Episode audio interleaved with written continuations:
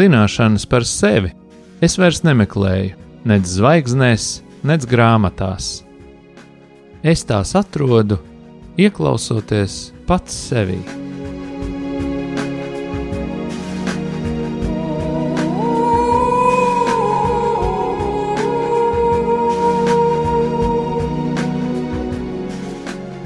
Raidījums Mīlestības terapija. Top mīlestības mājai, sadarbojoties ar profesionālo pastorālās konsultēšanas asociāciju.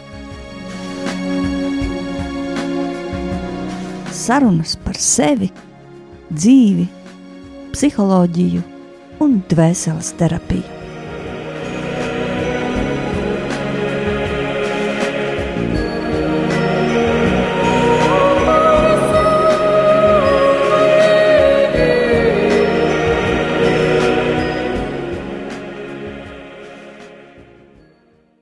Labvakar, mīļie radio klausītāji! Šovakar ēterā pie jums redzējums mīlestības terapija. Mēs satiekamies tādā ļoti īpašā laikā, no visām pusēm īpašā. Es gribētu tomēr uzsvērt šo adventas laiku. Šo laiku, kad ārā nav sniegs, tas tomēr ir gaidīšanas laiks. Tas laiks, kurā mēs pārdomājam par tiem notikumiem, kas bija vairāk kā 2000 gadu atpakaļ, un varbūt kaut kādā veidā mēģinam tos arī attiecināt uz savu dzīvi. Brīnišķīgas adventas laika tradīcijas ir iekoptas arī pie mums, mūsu mīlestības mājā. Man tās liekas ļoti dziļas un aizkustinošas, un ir ļoti tā jēgpilni. Mēs visi pieaugušie, kas piedalāmies šajās tradīcijās, piedzīvojam mūsu pedagoģijas jēgpilnību un šī ceļa jēgpilnību. Mūsu advents rīti jau sākot no pirmās adventas nedēļas, ir raksturīgi ar to, ka mēs visi māja sanākam mūsu zālē. Mēs stāstam stāstus par Jāzepu un Mariju un par to, kas ar viņiem notika vairāk kā 2000 gadus atpakaļ. Bet ne tikai. Mēs runājam arī par mūsu pašu jā, un mēs prasām bērniem, vai viņi ir piedzīvojuši to, kad viņi saka jā Dievam. Un bērni stāsta mums savus stāstus, Bet mēs sakam bērniem, ka tāpat kā Jēzum ir kaut kāds stāsts, kādā veidā viņš atnāca uz šīs zemes, tāpat arī tev ir stāsts, kā tu esi atnācis uz šīs zemes, un tas ir ļoti svarīgi, ka tu esi. Un mēs aicinām vecākiem rakstīt saviem bērniem vēstules. Un šo vēstuļu centrālais uzdevums ir dot labu, dziļu tādu patiesu apstiprinājumu bērnam, viņa esībai, viņa talantiem, viņa resursu daļai. Galu galā arī vecākiem tā ir iespēja pateikt, lai kā kaut kas ir kaut kad dzīvē bijis. Tas ir ļoti svarīgi, ka mēs esam tam gājuši cauri un ka mēs esam šodien kopā. Un man arī bija šodien tāds dziļš pārdzīvojums un gods reizēm šādu vēstuli lasīt manai meitai. Es biju agri no rīta cēlusies, lai viņu uzrakstītu, Bērni šīs vēstules ārkārtīgi gaida. Viņi arī man jau bija staigājuši veselu nedēļu. Pakaļ un teikusi, nu kad, nu kad, nu kad būs tā tava vēstule. Un tad šodien viņa tappa, un es viņai viņu lasīju priekšā. Un es viņai stāstīju arī par tiem notikumiem, kuriem mēs gājām cauri, kad viņa nāca uz šīs zemes. Bet tā galvenā doma, ko es viņai gribēju pateikt, ka es piedzimu kopā ar viņu, kaut kādā ziņā, un ka mēs esam atbildīgi par to meklējumu ceļu. Mēs esam atbildīgi par to, kā dzīvība dzīvo mūsos pašos iekšā. Es viņai stāstīju, ka cilvēki var dzīvot savu dzīvi dažādos veidos. Ir cilvēki, kas dzīvo, protams, viņi dzīvo, elpo, sirds viņiem pukst, viņi staigā pa mūsu ielām, bet viņi nav saslēgušies ar to iekšējo dzīvību, dodošo realitāti sevī. Viņi it kā ir dzīvi, bet iekšēji nav dzīvi. Tā kā dzīvība nav viņos, tāda vārda visdziļākajā un patiesākajā nozīmē. Un ir otrādi, ir cilvēki, kuriem citi cilvēki dod kaut ko labu, Mēs arī mīlestības mājā to šeit esam piedzīvojuši, ka tu kādam bērnam dod kaut ko labu no visas sirds, saki labus vārdus, apstiprini, bet tas viss notek tā kā ar kādu stiklu, kas neaiziet līdz šim dzīvības kodolam. Un ir cilvēki, kurus ārējo notikumu ļoti var ietekmēt, un ietekmēt viņa izvēli dzīvot. Un ir cilvēki, kur ir atraduši tādu īpašu saslēgumu sevī, ar dzīvīgumu, ar potenciālu, ar iedvesmu, ar resursiem, ar visu to sevī, kas tavu dzīvi padara iedvesmas, piepildītu un bagātu. Un es savai mētiņai teicu, nekad, nekad nenodod savu iekšējo dzīvo balsi, lai ko tev tas maksātu. Es īsta, patiesa, un tas ir vienīgais iemesls, kāpēc mēs varam dzīvot.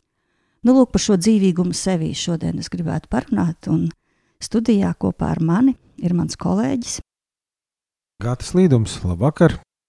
Klausījos tajā, ko tu runāji tagad, Ina, un, uh, un tad man gandrīz vai jājautā tā, nu tad par ko no visa tā tu gribi parunāt, ko tu nosauc šeit, jo tur bija, manuprāt, tēmas kopā ļoti daudz saliktas, un uh, te varētu par katru teikumu veselu raidījumu taisīt. Bet um, Patiesībā jau tā debata ir diezgan sena un, un liela, uh, un, un, un plaša un arī dziļa tieši teoloģijā par to, no kādiem slāņiem vai gabaliem tas cilvēks sastāv un cik viņam tur ir tie fiziskie, ārējie un tad uh, dvēseliskie un vai garīgie. Un tad tur jau cilvēki, kas nodarbojas ar teoloģiju gadsimtu gaitā, ir dažādus tos būrīšu zīmējuši un tos klucīšus likuši par to iekšējo, ārējo un fizisko un garīgo.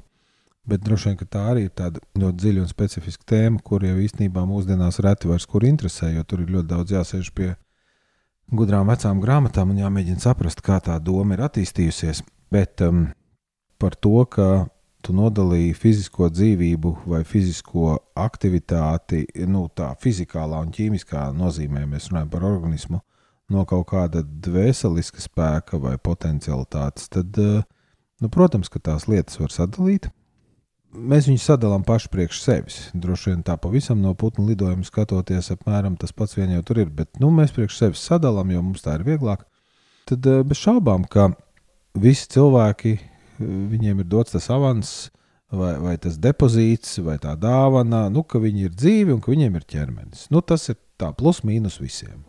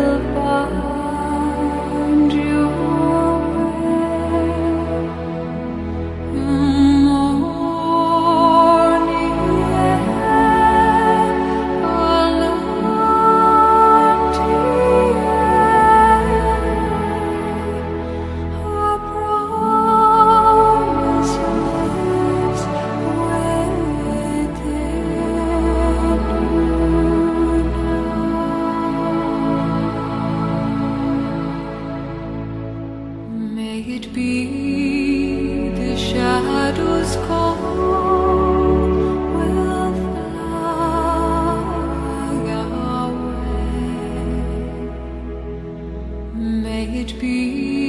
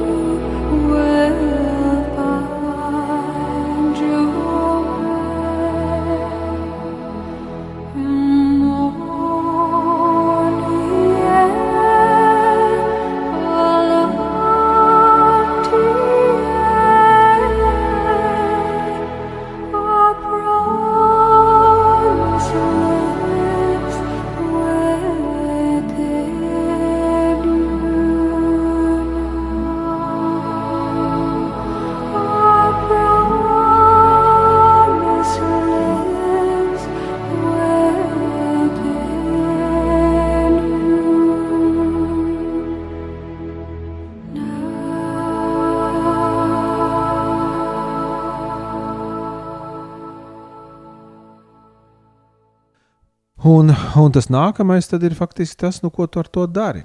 Un par to dzīvību vai nedzīvību tas īstenībā ir tas pats, par ko Jēzus runā līdzībā par nama kungu, kurš aizceļoja un atstāja trim kalpiem dažādus naudas daudzumus.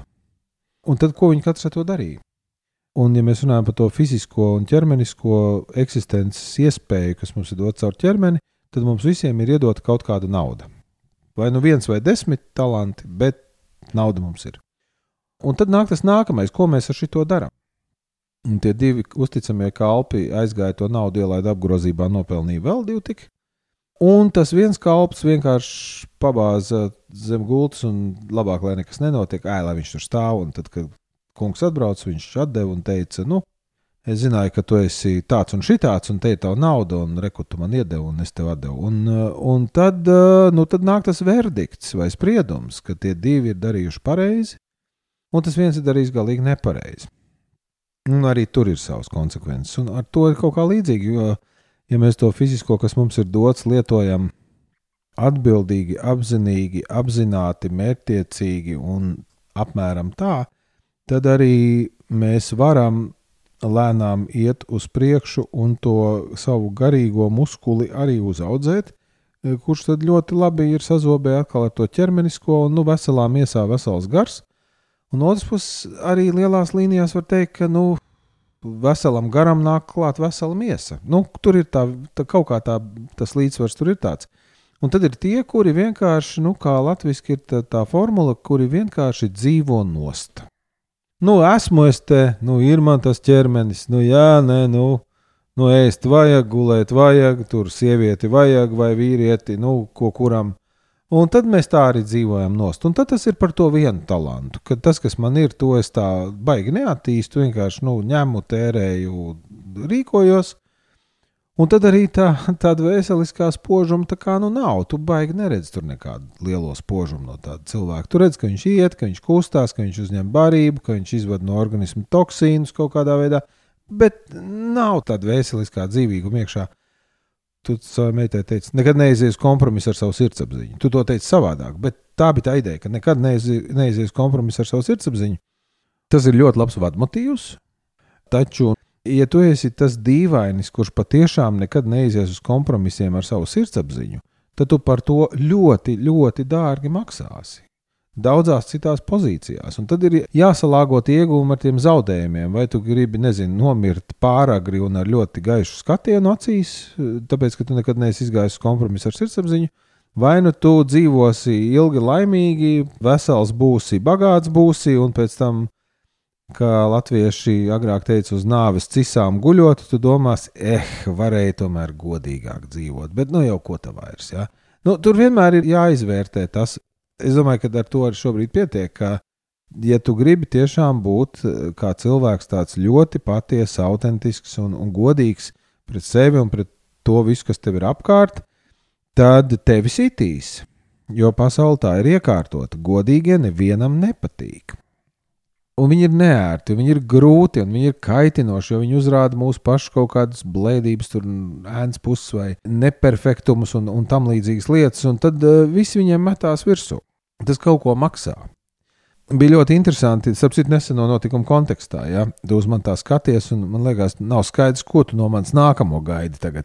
Bet es iedošu piemēru. Pavisam nesen, tikai pirms pāris nedēļām, bija tas uh, incidents šeit, Latvijas politiskajā zvēru dārzā, ka viens konkrēts partijas, viens konkrēts cilvēks pēc jau Rīgas domas vēlēšanām nāca atklātībā ar tekstu, ka, lai stimulētu nu, šīs partijas reitingus vai vēlēšanu kampaņu, tur partijas bosi deva skaidru naudu kabatā un lika iemaksāt kontā. Viņš pat tur stāsta, kādos nominālos tā nauda tika dota un kurās vietās, un zem galda, un, un tā, un tad tur tās summas ir vairāk tūkstoši, tur tā kaut kā Un, eh, nu, lūk, es no malas skatos, es neko par to nezinu, bet nu, man radās iespējas, ka cilvēks ir nolēmis nu, netirgoties ar savu sirdsapziņu un godīgi pasakā, nu, vispār te notiek baigā šmuce zem galda. Ja? Un, un, un tagad, palasot, kā tas stāsts attīstās mēdījos, ko mēs redzam, šis cilvēks sāk maksāt. Nevienam viņš īsti nepatīk. Viņš tikai žurnālistiem ir interesants, jo žurnālistiem vienmēr ir interesanti kaut kāda sensācija, kaut kādas asinis, tur kaut kādas tādas lietas. Visiem žurnālistiem viņš ir interesants. Un tad, ja mēs palasām tos komentārus zem tiem rakstiem, kur par šo cilvēku nu, tiek runāts, tad tie pārsvarā ir negatīvi. Tie komentāri vērsti pret šo cilvēku kā personu. Ka viņš jau tāds un šitāds vienmēr ir bijis, un gan jau ka pašam kaut kāds labums tagad atliks no tā, ko viņš te stāsta. Un, jā, jā, kas tad viņš vispār ir un tā. Un tas ir tas, kā tu maksā. Ja tu gribi būt godīgs un, un, un dzīvot saskaņā ar sirdsapziņu un nepazaudēt to dzīvību sevī, tevi sitīs. Tu visiem būsi neizdevīgs, neērts un traucējošs. Un, nu, jā, un tad bērnam iedot šo te vēstījumu līdzi, ir godīgi, ir patiesi, un es teiktu, pat ir tā ļoti celsmīgi no, no kristīgā viedokļa runājot. Bet vai tas ir ērti un droši? Tas jau ir cits jautājums. Un droši vien par to ērti un droši tev arī varētu būt daži labi komentāri, jo, cik es saprotu, arī tavs ceļš būvējot mīlestības māju ir bijis nu, pilnīgi viss izņemot ērts un drošs. Te, te ir viens ārprātīgs projekts bijis, kurš ir vainagojies ar panākumiem, bet tur ir puni un visādi sasitumi pa ceļam bijuši. Nu, ērti un droši vai godīgi un ar atliektu muguru. Nu kā? Jā. Es laikam šeit lietotu vienu vārdu īsti Neko citu nevar atrast, piemērotāku. Bet uh, atgriežoties atpakaļ pie šī adventas rīta ceļa un pie bērniem, kas uh, ir šīs mājas stāsts, varētu tā teikt. Ziniet, kā lai pieņemtu vispār tādus īstus uh, lēmumus, tādus īstas, īstus ceļus savai dzīvei ir divi. Man liekas, ka divi vispār iemesli, kāpēc cilvēki to dara. Viens ir bijis, nu, es tā teikšu, rupi sūdīgi, ka tu vienkārši nevari citādāk. Vienkārši nevari citādāk. Ir dažādi stāsti. Cilvēki var tur bijuši nāvē blakus vai vienalga kādai psiholoģiskai, dvēseliskai, garīgai. Un viņi vienkārši nevar savādāk, jo viņi ir redzējuši kādu citu dzīves dimensiju, tātad ciešanas, vai ir otrs, kāpēc, uz kā pamata bērni un vēlāk jau nākotnē personības kļūst par personībām, kas spēj pieņemt drosmīgus lēmumus, kas ceļ dzīvi, nevis grauj. Tās ir mūsu vecāku, pieaugušo skolotāju tāds dotais iedrošinājums, apstiprinājums un nu, programma, mēs tā to saucam, tādā labā nozīmē. Un Es vienkārši redzu, cik ārkārtīgi dziļi bērni pieņem šos vecāku stāstus, kuri ir ļoti dažādi. Viņi daži ir ļoti vienkārši, daži ir ārkārtīgi dziļi, daži ir.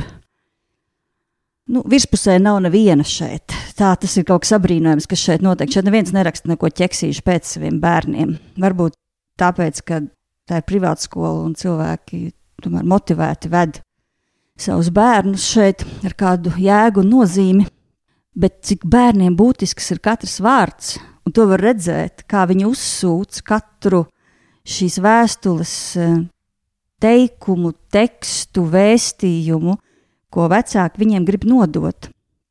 Un kā tas dzīvo? Mūsu pedagoģija ir piepildīta šādām spēku dodošām, tādiem verbāliem vēstījumiem, teiksim, apzināta vārda izmantošana. Pedagoģijā tā es to saucu. Piemēram, arī skolotāji raksta dzējoļus bērniem šobrīd, un, un skolotājs raksta tā tādā poetiskā veidā, simboliskā veidā bērnam, kur viņš redz, kur šis bērns ir šodien šeit, un kur viņš grib viņu aizvest.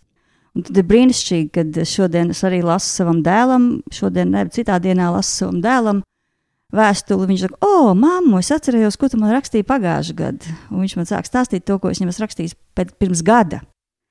Un jebkuri vārdi, viņi paskrien kaut kur. Kā tu vari atcerēties, ko kāds ir teicis pirms gada? Bet šī programma, viņa tik dziļi ir iesēdušies cilvēku sirdī, ka viņš, viņš atcerās vienā brīdī. Viņš vienkārši atcerās šo vēstījumu. Un man liekas, ka šie vēstījumi bērniem, ko mēs dodam, droši vien arī viens otram, tie ir tie, kas mūs veido un kas dod spēku pieņemt drosmīgus, patiesus lēmumus, kas dara mūsu pasauli labāku.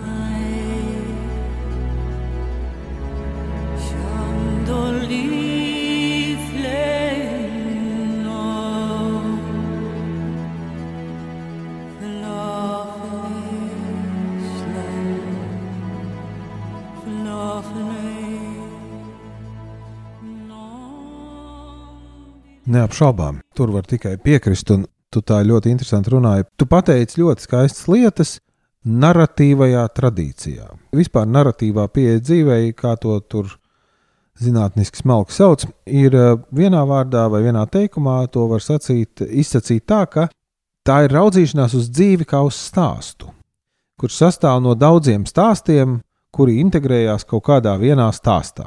Un ka mēs visi stāstām stāstu, un ka mēs visi klausāmies citu cilvēku stāstos, un tā. Un bez šaubām, es domāju, tas ir absolūti jau axiomātiski ka bērni ir kā mazi sūklīši. Viņi kāri sūc iekšā to, ko mēs viņiem dodam.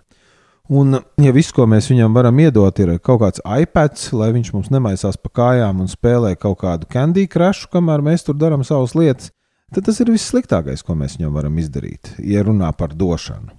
Un, ja mēs viņu nosēdinām vai nostādinām, vai, vai viņš pats nosēžās vislabāk, un mēs viņam stāstām stāstu, nu, zini, Reiz tālākā karaļvalstī bija. Tad viņš pieslēdzās stāstam, un šis stāsts kļūst par daļu no viņa. Automātiskā veidā viņš viņu iesūdz un integrē sevī. Nu, integrē viņš viņu vēlāk, bet iesūdz uzreiz. Un tas viņu veido par personību. Tā, tā tik vienkārši ir tā visa narratīvā pieeja attīstības psiholoģijai, un tas tiešām tā notiek. Un ja šeit ir tā vieta, kur jūs mācat uh, klausīties un arī tātad attiecīgi stāstīt stāstus, tad uh, šī ir viena lieliska vieta. Jo šī vieta tā tad nevis vienkārši bērnam leju pielādē kaut kādu absolūti aprobežotu, manā skatījumā, kompetenci izglītību, bet šī, šī pieeja māca viņu kļūt par personību, jo personība iznāk no stāstiem, nevis no kompetencēm. No kompetencēm iznāk nu, kaut kas cits, bet personība iznāk no stāstiem. Un jā, Būtu ļoti interesanti ilgtermiņā paskatīties, kas notiek ar šiem mazajiem stāstu klausītājiem un stāstniekiem pēc desmit gadiem, pēc divdesmit gadiem, pēc trīsdesmit gadiem. Viņi būs radikāli atšķirīgi no tiem bērniem, kuri ir spiesti iet cauri standarta izglītības konvejeram, kur neviens viņiem nekādas vēstules neraksta.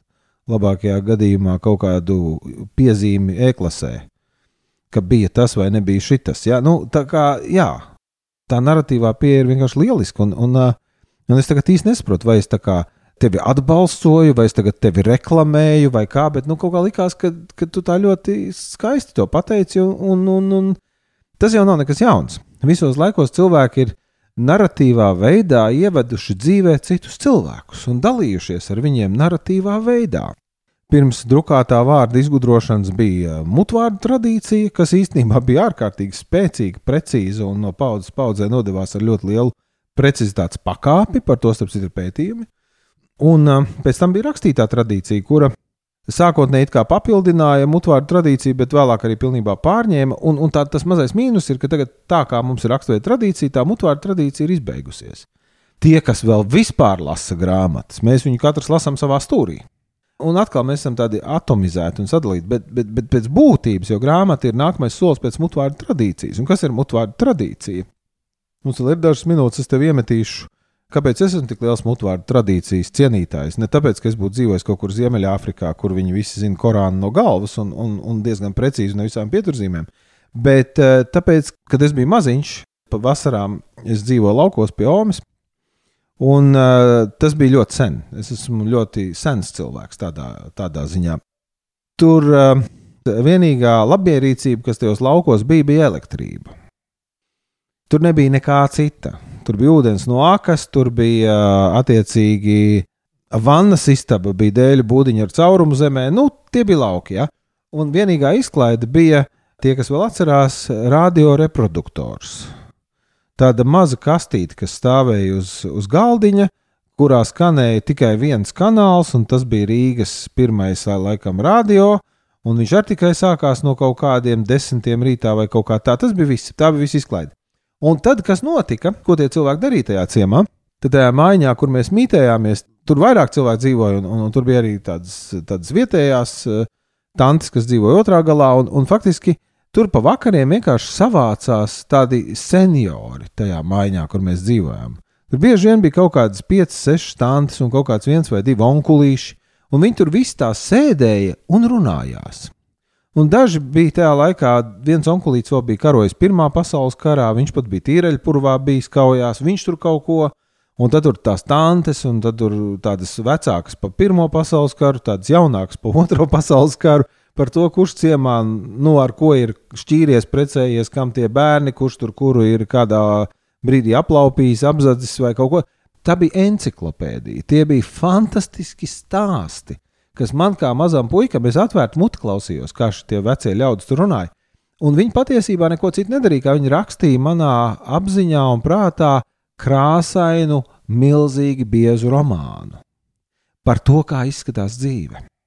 Man to nekad, ne mūžam nevar parādīt, ne Netflix, ne kaut kādi tur tie Holivudas lielo studiju mākslas darbi, ne mans pēc arī Rīgas kinošņika, kur te kaut ko mocās un mēģina parādīt mums, bet nevienmēr viņiem labi sanāk.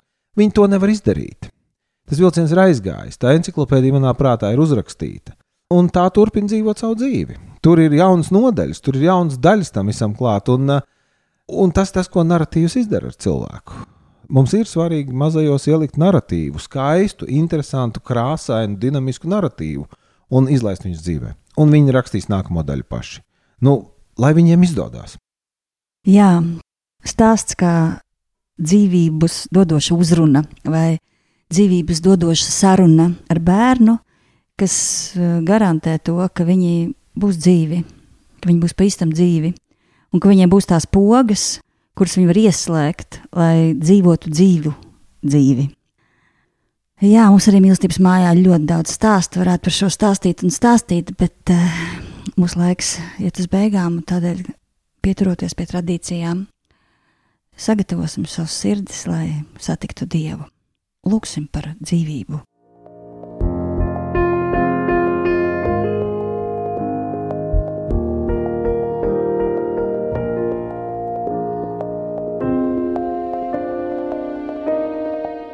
Ja mīļais debesu Tēvs, es tev pateicos par to dzīvību, kuru tu katram no mums esi devis, par šo dzīvības dāvanu, lūdzu, kungs, tādu žēlastību, to lietot, dzirdot tevi. Lūdzu, tev pazemību, pakļauties tev, pakļauties tēvam sekot tev, tā piepildot dzīvību sevī. Dot žēlastību, izdzīvot dzīvi, kļūstot bagātiem, iedvesmotiem, mīlošiem ziedošiem, nobriedušiem augļiem, kā tu to arī esi paredzējis mums katram. Un es lūdzu, kungs, izgaismo katram šo ceļu. Tagad, šī brīdī, katram cilvēkam, kurš lūdz, izgaismo šo ceļu. Un svētī Tēvs mūsu, svētī šo satikšanos ar sevi Svetī mūsu to telpu dvēselē, kurā mēs varam sadzirdēt sevi un tevi sevi. Ka mēs esam veselīgi, vienoti sevī, vienoti ar sevi un ar tevi. Dzīvi. To visu mēs lūdzam Dieva Tēva, Dēla un Svētā gara vārdā. Amen!